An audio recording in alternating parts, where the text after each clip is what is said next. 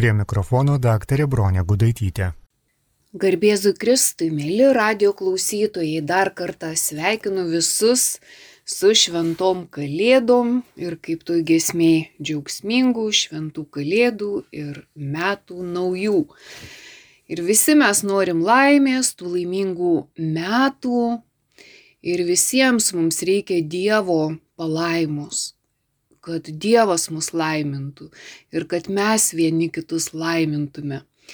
Tai palaiminimas yra kaip, nežinau, kaip krikščioniško gyvenimo e, būdas, kad mes turėtume išmokti laiminti vieni kitus, linkėdami tai, kas gera, tai, kas gražu, kas teisinga Nes iš tiesų pasilik gėrį, tiesų ir grožiai, tai reiškia pasilik Dieve. Ir kai mes labai norim patirti Dievą, tai greičiausiai turėtume kuo daugiau e, išgyvent gėrio, grožio ir tiesos patirtis.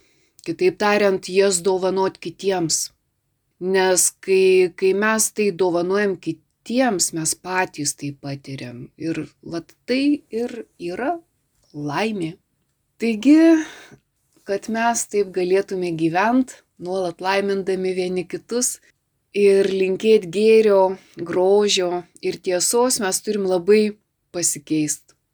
Naujant savo mąstymą, kad, kad galėtume pirmiausiai suvokti, kas yra gera, kas, kas tikrai pagal Dievo valią yra gera, teisinga ir gražu tai turim pripažint kad tam kad mes taptume krikščionimis tai reikalingas viso gyvenimo procesas. Už tai kiekvienais metais mes išgyvenam kalėdas. Iš naujo Dievo atėjimą ir, ir gimimą žemėje ir, ir mūsų širdyse. Tai yra gyvenimo procesas, mes kiekvienais metais turėtume to patobulėti, bet kad tai vyktų, reikia Dievo palaiminimo. Ir mes žinom, kad Jėzaus palaiminimai, jie tiesiog yra ta geroji naujiena. Tai, tai nėra kažkas, kas, sakykime, išplaukia iš mums žinomų ar ne ten įsakymų, bet tai yra nauji dalykai, ne, nes mes Jėzaus palaiminimus e, turbūt pasirinkdami savo gyvenime kaip e, pratybas, tai būtų mums visiškai nauja patirtis. Tai yra visiška naujovė. Čia ir pradeda vykti va tas mąstymo perkeitimas, kaip Jėzus dažnai sakydavo, o aš jums sakau. Kad buvo sakoma taip ir taip, o aš jums sakau. Ir, ir tie Jėzaus palaiminimai, kaip Evangelijų irgi, irgi skaitom, tokią vietą apie raugės, ar ne, kur, kur Jėzus e, sako, kad nesistebėkim, ar ne, kad tų raugių yra ir, ir per daug e, nepergyvenkim, ateis laikas ir, ir, ir jos bus išrautos, ar ne, va tada, kai nuimsim derlių. Tai kitaip tariant, kad mes ir su tom raugiam galim išgyventi naujus dalykus, ar ne, palaiminti Jėzaus palaiminimais, mes galim tarp tų raugių išaugint gražiausius e, kviečius. Ne todėl, kad mes tai padarysim, bet todėl, kad Dievas mus laimins ir tada mes nešim tą gausų kviečių derlių. Taigi, jeigu mes gyvensim Jėzaus palaiminimais, tai tos raugės tiesiog bus bejėgės prieš Dievo darbus mumyse. Kad raugės galbūt netgi taps labai gera traša kad užaugtų gausus kviečių derlius. Mes žinom iš laiško romiečiams tokį labai gražų pasakymą, kad viskas išeina į gerą mylintiems Dievą. Tai viskas išeina į gerą mylintiems Dievą, nes pats didžiausias gėris žmogui ir yra mylėti Dievą. Tai matom, kad va, Jėzus, kai mus laimina ir mes tampam laimingi, ar ne, tai čia yra va tas jo atnešta ta geroji žinia mums, kaip mums gyventi, kaip, kaip naujiems žmonėms. Mes galim atsiminti, kaip skirtingai va, Dievas e, nuo Sinajaus kalno duoda mo, Mozijai dešimt įsakymų. E, skirtingai nuo Jėzaus teikiamų palaiminimų dovanos. Galim prisiminti, kad e, kai Mozė buvo tas, kuris nešė savo tautai iš Dievo gautus įsakymus ar ne, įstatymo plokščių perdavimas, tai buvo kaip iškilminga liturgija, kaip tik viešpats Mozei sakė, eik pa žmonės įspėk, kad būtų šventi šiandien ir rytoj, paliek, paliepk, kad jie išsiskalbtų drabužius, paruošk juos trečiai dienai, nes trečią dieną viešpats nužengs ant Sinajaus kalno visų žmonių akivaizdoje. Apie visą tą kalną nustatyk žmonėms ribas, tardamas, būkite atsargus, nelipkite į kalną, nelieskite jo papėdės, nes kas tik prisilies prie kalno, turės būti nubaustas mirtimi. Šitaip rašoma išeimo knygoje. 19 skyriui. Taigi, matom čia ištisi tokie paliepimai. Ir tada Mozė vienas užlipo ant kalno, pačioje buvo susibūrę žmonės, aišku, per atstumą jie matė ir girdėjo, kas ten tolumoje vyksta. Ir auštant rytui, va trankėsi ten perkūnyje, žaibai, tirštas debesis dengė kalną. O rago gaudesys buvo toks skardus, kad visi stovykloje buvę žmonės drebėjo. Ir Mozė išvedė žmonės į stovyklos Dievo pasitikti. Nu va, ir, ir taip toliau galit pasiskaityti, kaip viskas ten vyko išėjimo 19 e, skyriui. Grįžtant prie Jėzaus palaiminimų, Jėzus teikdamas savo palaiminimus, išvykęs minę, ką jis darė, jis pats kopė ant kalno, atsisėdo, jo mokiniai susibūrė aplink jį. Ir va, kontrastas, ar ne? Kai Senajam testamente Dievas nužengė ant kalno drebant žemiai ir iš ten švituojant žaibams, o Jėzus pats lipa į kalną kartu su savo mokiniais. Vėlgi, Mozės laukiantys žmonės, ar ne, jie ten laikėsi nuotolio, nes jiems grėsė mirtis, jie negalėjo prisertinti. Prie tos vietos jie buvo apimti, sakykime, pagarbios baimės, nes Dievas yra visiškai kitas, jis yra ne žmogus, jis yra visagalis ir įstatymas ateina iš aukštybių, kai mes melžiamės tėvę mūsų, kuris esi danguje. Ir pats Mozė net tame kalne pries prie degančio krūmo išgirdo neįkarčiau, nusiau kapavą nes vieta, kurioje tu stovi, yra šventa žemė. Ir Mozė užsidengė veidą, nes bijo pažvelgti į Dievą. O Jėzaus akivaizdoje viskas kitaip. Mokiniai susibūrė aplink jį, Jėzus leido prieiti labai arti, ar ne, paliesti buvo galima. Ir jam kalbant, nei žemė drebėjo, nei griaustinis dundėjo. Ir kaip tik mato Evangelijoje penktam skyriui rašoma kad matydamas mines Jėzus užkopė į kalną ir atsisėdo. Prie jo prisertino mokiniai. Atvėręs lūpas jis mokė. Taigi jis tarsi kalbėjo jiems, kurie buvo visiškai arti šalia jo. Taigi Jėzus neįrėžė žaibais į akmens plokštes, bet e, jis tai, ką jis sakė, jis norėjo įrašyti į savo mokinių širdis.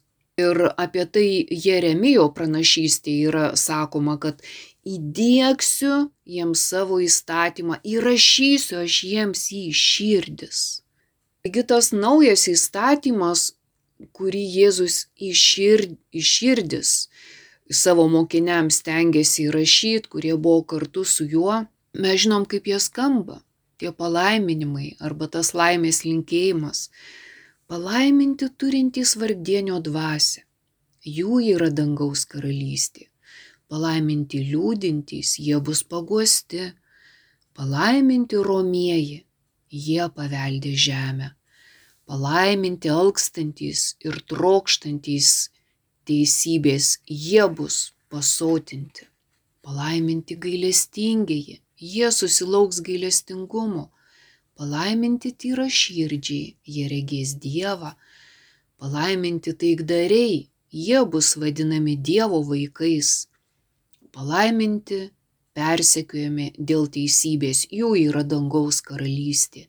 Minti jūs, kai dėl manęs esate niekinami ir persekiojami, bei meluojant visai šmeižiami, būkite linksmi ir džiugaukite, nes jūsų laukia gausus atlygis danguje, juk lygiai taip kadaise buvo persekiojami ir pranašai. Taigi mato penktam skyriui mes galim perskaityti tokius Jėzaus palaiminimus ir matom, kaip jie skiriasi nuo dešimt Dievo įsakymų, kurie suformuluoti tokiu imperatyvu, ten nevoksi, nežudysi, nekalbėsi netiesos. O čia yra, prasideda žodžiu palaiminti, arba jūs esat laimingi, jūs esat pilni laimės, jeigu jūs šitaip uh, elgėtės. Ir tarsi tas atlygis, ar ne, kad jie regės Dievą, bus Dievo vaikai, jų yra dangaus karalystė, džiūgaukit, jūsų laukia gausus atlygis.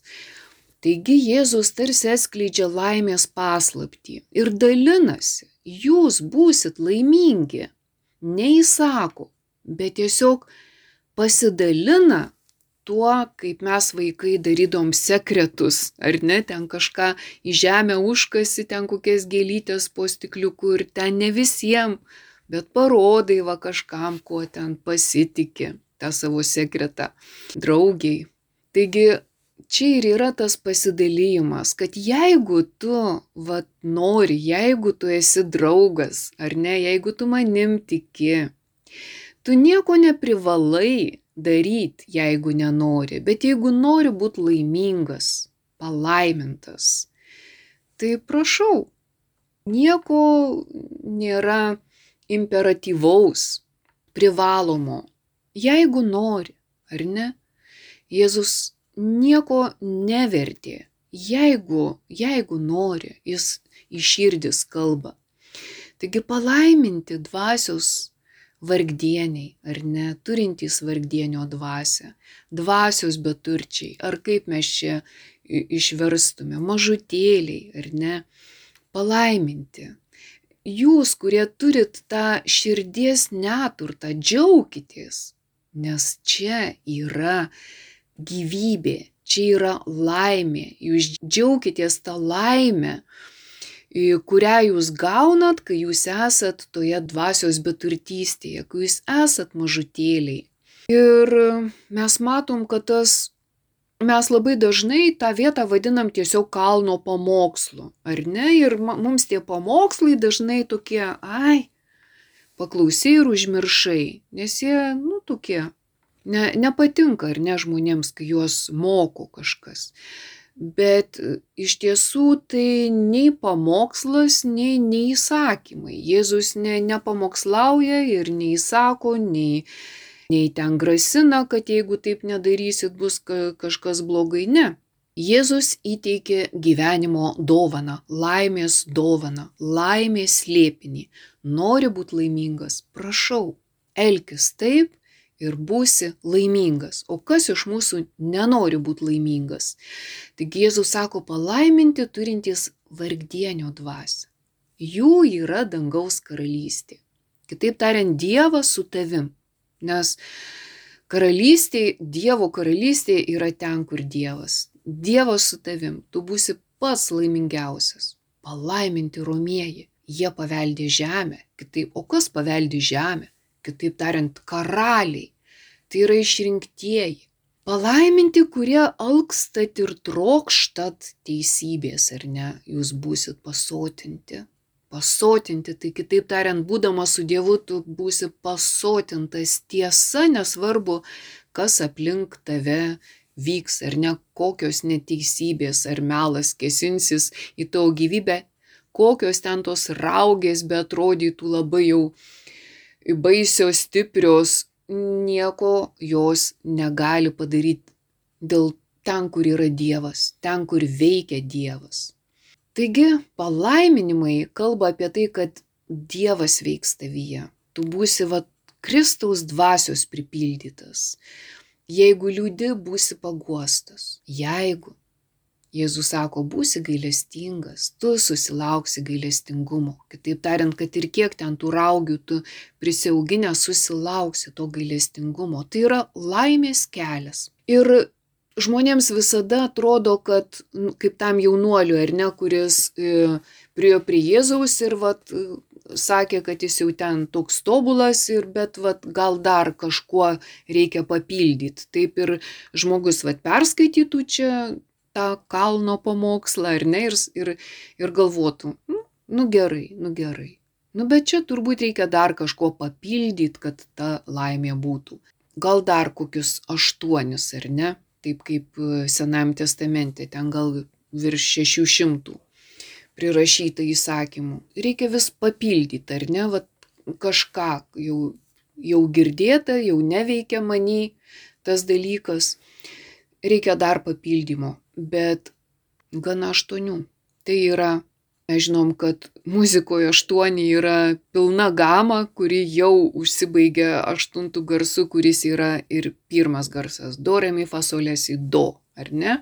Tai yra viskas tobula tobulas apskritimas. Taip ir čia svarbu, kad mes gyventume šitais palaiminimais. Ne tik tai suprastume juos, ar ne? Nes jeigu mes tik norėsim suprasti, kaip tas turtingas jaunuolis, jis irgi dar norėjo kažką išgirsti, E, kad jis ir dar pajėgus kažką padaryti, ir dar kažką pajėgus, taip kaip mes planuojam ir tą, ir va šitą, ir aną galėčiau padaryti, bet realiai net piršto nepajudinu. Tai ir čia iš, iš tikrųjų būsi palaimintas e, tik tada, kai tu tą pirštą pajudinsi, ar ne, kai tu žengsi tą žingsnelį, kai tu parodysi tą gailestingumą kai tu ieškosi teisybės, ar ne, kai tu e, ieškosi, tai reiškia pats sa, savim liūdysi tiesą. Taigi labai svarbu gyventi šitais palaiminimais, nes mes laimingi norim ne teoriškai būti gyvenime laimingi, Nes teoriškai tai kasgi trukdo, nori būti laimingas, tai kaip tam anegdote, nori būti laimingas, noriu, nu tai ir būk. Bet čia ir yra tiesa, būk gyvenk, daryk, veik, ne, ne tik tai protu uh, suprask. Taigi mes matom, kad Jėzus uh, tuos palaiminimus skiria visiems norintiems. Vat tiems, kurie nori taip gyventi. Tai ir yra ta nauja sandora, kurią Jėzus užmesga su tais savo draugais ar ne, kurie tikrai nori būti jo draugais. Jis nieko neslėpia, kai sako, aš viską, ką iš tėvų girdėjau ar ne, jums, jums atnešiau, jums atiduodu, jums sakau. Taigi Ezechielio pranašystėje taip pat yra minima, nu, yra tokie žodžiai, kurie primena tai, apie ką mes čia dabar kalbam.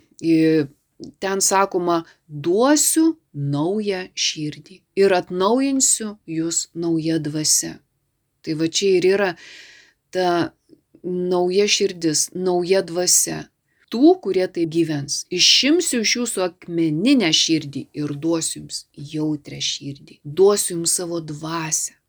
Padarysiu, kad gyventumėt pagal mano įstatus, laikytumėtės mano įsakų ir juos vykdytumėt. Tai vad visi šitie žodžiai kalba apie tai, ką nori Jėzus įrašyti mūsų širdis, bet ta širdis turi būti vargdienių širdis. Taigi Jėzus dalysi savo džiaugsmu, savo laimės receptais ir kalba tiems, kurie gyvens jo dvasia, vargdienio dvasia. Kaip Luko Evangelijoje sakoma, kad aš lovinu tave, tėve dangaus ir žemės viešpatė, kad paslėpiai tai nuo išmintingųjų ir gudriųjų, o apreiškia mažutėlėms. Taigi Jėzus apreiškia mažutėlėms, kaip jis sakė, kitoj vietoj, jeigu nebūsite kaip vaikai ar ne kaip mažutėliai, neįeisit į dangaus karalystę. Būsit nelaimingi, neragausit laimės, neragausit džiaugsmo. Taigi tik mažutėliams, neturtėliams, kurių širdis yra neišpuikus, tik tiems skirti šitie receptai. Arba kitaip tariant, galbūt ir labai išpuikusio širdies žmogui, bet tam, kuris ryštasi atsiverst, kai Jėzus sakė, kad vad duosiu naują širdį. Tik turėk tą troškimą atsiverst. Taigi tas Jėzaus, e, sakykime, receptas yra kiekvienai širdžiai, kiekvienai, kuri nori gyventi Kristaus dvasia arba kitaip tariant meilė. Ir meilė iš, iš tiesų yra, nu kaip, kaip sako, kad vi, viskas miršta, o meilė lieka. Taigi meilė ir yra ne tik Dievo vardas, bet būtent ta šventoji dvasia, kuri mumise palaiko gyvybę. Kiek mes mylim, tiek, tiek mes esam gyvi. Ir būdami gyvi mes norim būti laimingi. Taigi, va tas didžiausias lobis, kurį mes e, turėtume atrasti, tai ir yra ta vargdienio dvasia, kurią turėjo Jėzus. Kitaip tariant, Jėzus pats pirmas buvo tas tobulas mažutėlis, paties tėvo palaimintas, nes, nes jis sakė, nu, kas, kas mano, ta, tas ir tėvo, ar ne? Ne save aš atėjau čia preikšti tėvą, pildyti tėvo valią, ne savo. Taigi jis yra tas tobulas mažutėlis, kuris moka mus tokios gyvenimo laikysenos, kad viską mes gaunam iš tėvo. Ir jis visuomet kalbėjo Jėzus apie tėvą, norėdamas pasakyti, kas jis yra, jis sakė, kad jis kyla iš tėvo, ką jisai sako, irgi yra iš tėvo, ką jis daro, pildo tėvo valią. Kitaip tariant, jis yra tas dvasios beturtis, jo kaip ir nėra, bet jame yra pats Dievas. Todėl jis sako, ateikite pas mane visi, kurie vargstate, kurie esat prislėgti, aš jūs atgaivinsiu. Imkite ant savo pečių mano jungą, mokykitės iš manęs, nes aš romus ir nuolankio širdies. Ir jūs rasite savo sieloms atgaivą. Tai vad, romus ir nuolankio širdies, nes jis nieko neturi. Jis turi tai, ką turi tėvas. Ir todėl jis sako, kad mus atgaivins ir kad mes galėsim džiūgaut visą savo dvasę, ar ne taip kaip Marija išreiškė savo džiaugsmą. Mano dvasia džiūgauja ar ne džiaugiasi Dievu savo gelbėtoju. Taigi Marija pati pirmoji priemė šitą sakykime, vargdienio dvasios palaiminimą ir, ir gyveno ta dvasios beturčio dvasia. Kada gali mūsų siela džiūgauti ir būti linksma? Va tada, kai gyvena Kristaus dvasia, neturtėlio dvasia. Šventas Pranciškus jis buvo vadinamas Alter Kristus, ar ne? Jis Alter tarsi antrasis Jėzus buvo ir jis labai vertino būtent neturtą. Jis irgi buvo tas neturtėlis, gyveno neturtėlio dvasia. Ir Jėzus kviečia visus ateit pas jį ir žada didelę laimę, žada gyvenimo apščiai, žada, kad tiesiog į širdį džiaugsmas liesis per kraštus, tada, kai mes gyvenš, gyvensim šitais palaiminimais. O visi šie palaiminimai ir yra laimės pilnatvė, džiaugsmo pilnatvė, ko mes visada linkim kalėdų, naujų metų proga, kad, kad sako, vad būk laimingas, džiaugsmingų švenčių, ar ne, būk palaimintas, kitaip tariant.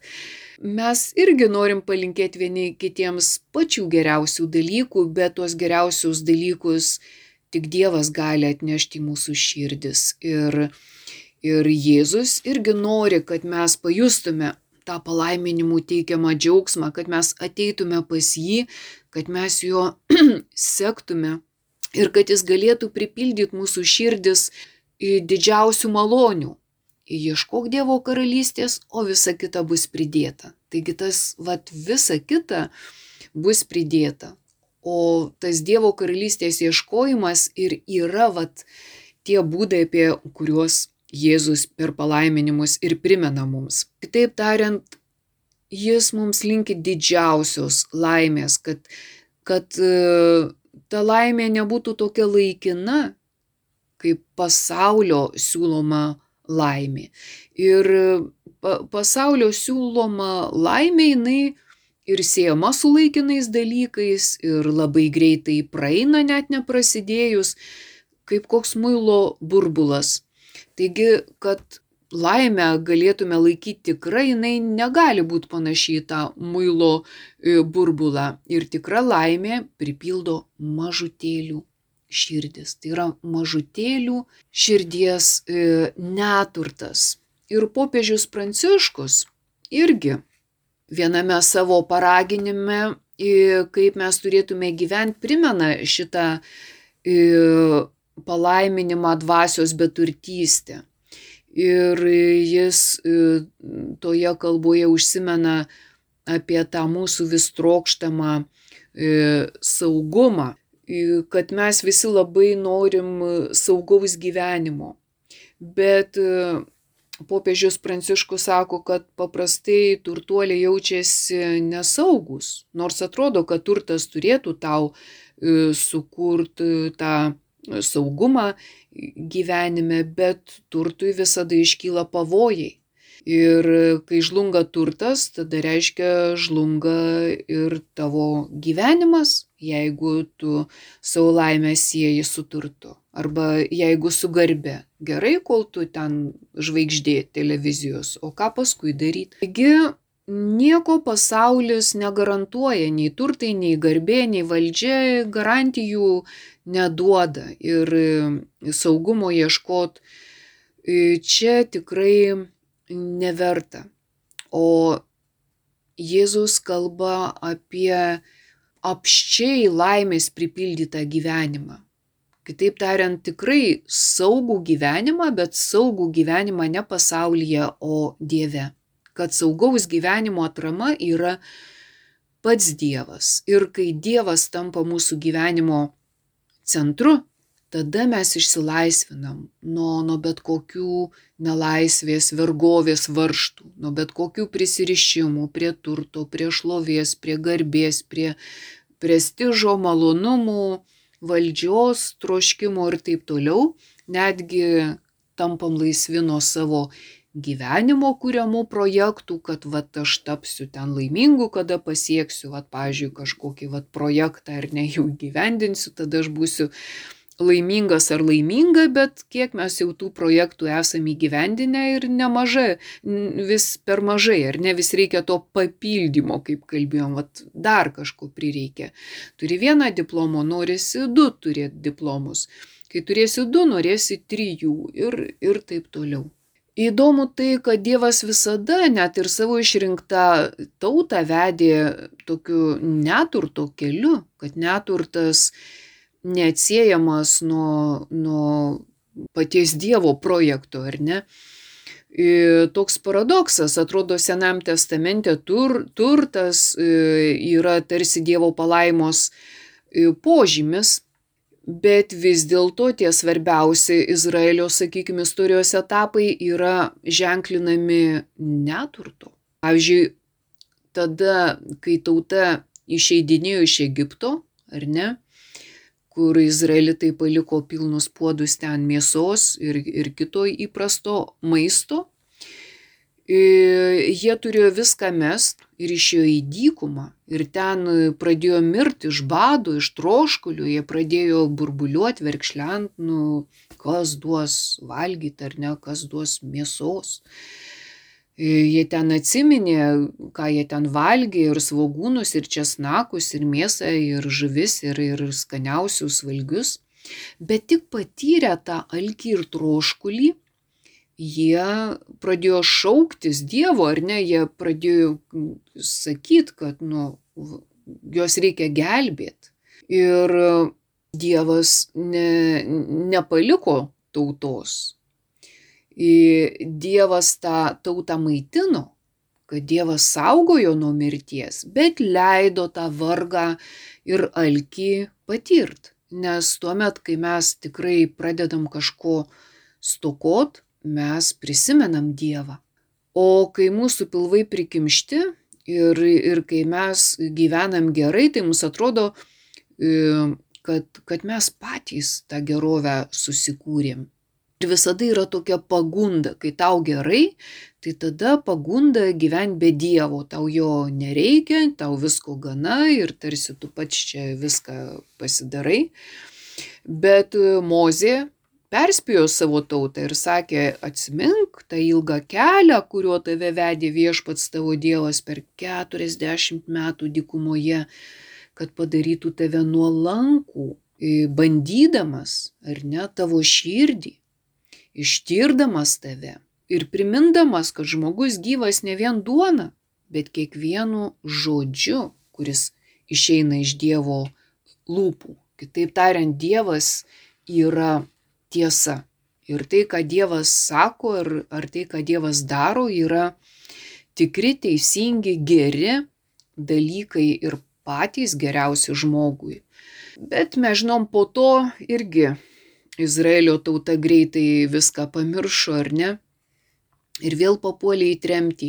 Bet e, prisiminkim, kad Izraelis turėjo ir šventyklą, ar ne šventą miestą, ir kokia garbė, koks įskirtinumas.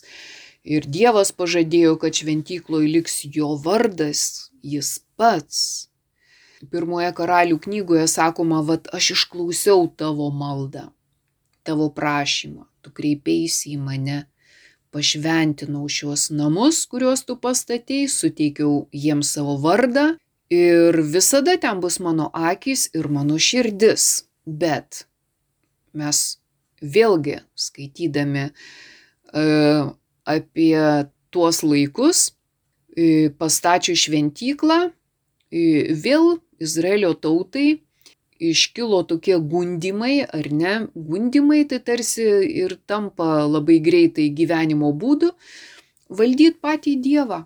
Jeigu tu turi tą sandūro skrynę ar ne, tai o ta skrynė tavo rankose, tai tada ir psichologiškai tarsi Dievas tavo rankose ir jisai privalo išklausyti tavo prašymus. Ir va ta mūsų to silpno žmogiško širdies pagunda yra viską savintis. Viską savintis net pačius švenčiausius dalykus ir panaudot savo reikmėm. Ir vat atrodo tada, kaip ir sudėtinga išlikti e, dvasios beturčių, tuo mažutėliu. Nes jeigu tu pradedi viską savintis ir tai, ką tu savinės jau priklauso nuo tavęs, viskas, tavo širdis užkėtėja. Ir ir tada tu pats savo tampi Dievas, dėl ko pirmas įsakymas skamba neturėk kitų dievų, tik mane vieną. Tai va čia ir yra, kaip ir atsakymas, kodėl Dievas ima ir mus nuskurdina arba įveda į vargą. Kam? Kad išlaisvintų, kad transformuotų mūsų mąstymą, kad mes atsiverstume, kad mes vėl grįžtume į laimės kelią, kad mes nepradėtume garbinti naujus stabus. Ir dažnai tie nauji stabai ir būna turtas, garbė, valdžia, savanaudiškumas. Mes patys save pradedam garbinti. Taigi, kai Dievas pažvelgia į mus, jis pamato tą mūsų tikrą skurdą, ar ne, ir, ir uždeda tą vergovės jungą, kad mes atrastume jį patį. Taigi tas, sakykime, kai Dievas įveda tą savo tautą į tokias ne, nesaugias padėtis, tai tik tam, kad išgydytų. Nes e, tauta dažniausiai jau būdavo savo širdyje išsižadėjus Dievo, gyveno savo patenkintai ir netimdavo garbin svetimus dievus. Taigi Dievas mus, mūsų ateina ieškoti per per neturtą, per, per vargus, per išbandymus. Nes e, puikybė mūsų gyvenime, mūsų pačių puikybė, mūsų gyvenimą padaro mums patiems nepakeliamą. Jis pasidaro tikrai labai sunkus, pilnas mirties, pilnas baimių, pilnas nerimo. Taigi mes patys negalim pakęsti savo puikybės. Ir priešingai, vargdienis visada yra nuolankus, kuklus, jis nesikliauja vien savo jėgomis, nesididžiuoja tik tai savimi, bet ieško Dievo. Dievas yra jo turtas. Taigi palaiminti turintys vargdienio dvasį, tokių yra dangaus karalystė. Todėl ir nenustepkim, kad Dievas kartais ima ir panardina mus į tam tikrą neturtą, ar emocinį, ar dvasinį, o galbūt ir į materialinį. Mes tada esam tiesiog išbandomi, nepaliekami nevilčiai, bet išbandomi, kad vėl mūsų gyvenime pradėtų veikti meilės planas. Mes labai dažnai norim įspręsti čia ir dabar tas problemas, o jas tiesiog reikia su jomis išbūt, išgyvent, jas patirt, tą, sakykime, vargo pilnatvę, lygos, tam tikro neturto, bėdos ištiktos. Kad ir kas atsitiktų mūsų gyvenime, mes visada stengiamės kuo greičiau pabėgti arba pasislėpti. Ir nusiviliam, jeigu taip nesigauna, bet Dievas mus nori prakalbinti. Todėl nebijokim, nebus čia viskas sugriauta, sunaikinta ar išvokta. Ne. Priešingai, kai mes renkamės pasaulio siūlomus laimės receptus, va ten mes dažnai būnam išniekinti, apvokti, išjuokti, visai kitaip. Ir tikrai tada nusiviliam, bet prieš Dievą sukilt nereikia. Kryžiaus Jonas sako, kad reikia saugotis pasaulio dvasios ar ne, tai vad galima sukilt prieš tą pasaulio reklamuojamą dvasę į savo širdį ir sakyti tam ne, kaip Jėzus dykumoje sakė visom velniškom, velnio pagundų formom ne. Taigi ne pasaulio siūlomai dvasiai, velnio gundimams, mūsų pačių širdyje įsibujojusioms įdoms ne. Va čia galim sakyti ne. Be nusivylimo, bet tiesiog ne. Galim prieš tokius dalykus sukilt, bet ne prieš Dievą. Deja, labai dažnai žmogus sukyla prieš Dievą. Jis nusigrėžia ir, ir prakeikia, visai čia būna, bet laimės dėl to jo širdį tikrai neatsiranda daugiau. Taigi, mylintiems Dievą visa išeina į gerą. Visa tai reiškia visa, ne, ne tik kas gera į gerą, bet ir tai, kas, kas bloga. Ir Kristus parodė savim. Jis yra Jėzus, kuris gimsta tvarte ar ne kaip tikras neturtėlis.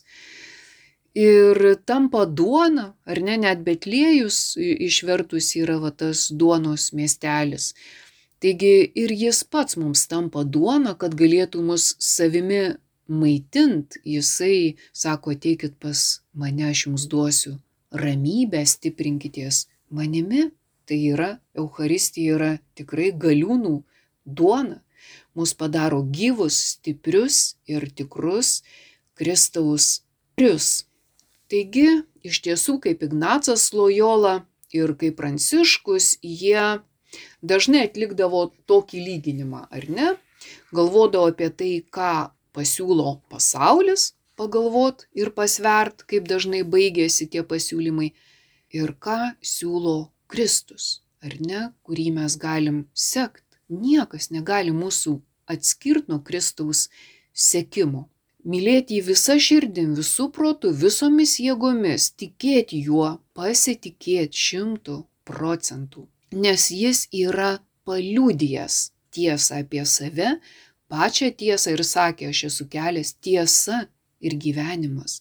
Tai jeigu mes tikim pigiom pasaulio reklamom, taip greitai patikim, Tai kodėl nepatikėt tuo, kuriuos va jau kiek tūkstančių metų gimimą švenčiam, kalėdas, kuris siūlo tos laimės receptus, kodėl juo netikėt? Taigi teisi buvo Teresė Vilietė sakydama, nu, kad žmogus, kuris savo nori palinkėti didžiausios laimės, turėtų bendrauti su Dievu. Čia ir yra didžiausia laimė, o tos laimės visiems reikia. Visi mes jos norim. Ir kaip tik šiandien pakalbėjom, kad va, tas raktas į laimę yra būtent dvasios beturtystė. Ir iš kitos pusės pasaulio dvasios priešybė. Taigi vargdienio siela išgyvens laimę, turės gyvenimo apščiai, bus palaiminta, bus su pačiu Dievu. Taigi, kai iškils kokia nors situacija, kur mes nežinotume, kaip elgtis, tiesiog savęs paklauskim, o kaipgi dvasios beturtis turėtų pasielgti va čia ir dabar. Ir tada patyrinėkim po to, koks lieka širdį skonis. Taip šitą receptą siūlė Šventas Ignacas Lojola, sakydamas, vad išmėgink tai, ką siūlo pasaulis ir tai, ką siūlo Jėzus. Taigi pabandykime tikrai realiai, kad ir mažiausioje situacijoje tapt kokiu nors dvasios beturčiu. Ir čia bus geriausias mums atsakymas, pats Kristaus palaiminimas. Palaiminti dvasios beturčiai. Jų yra dangaus karalystė. Su Dievu. Laidoje kalbėjo daktarė Bronė Gudaitytė.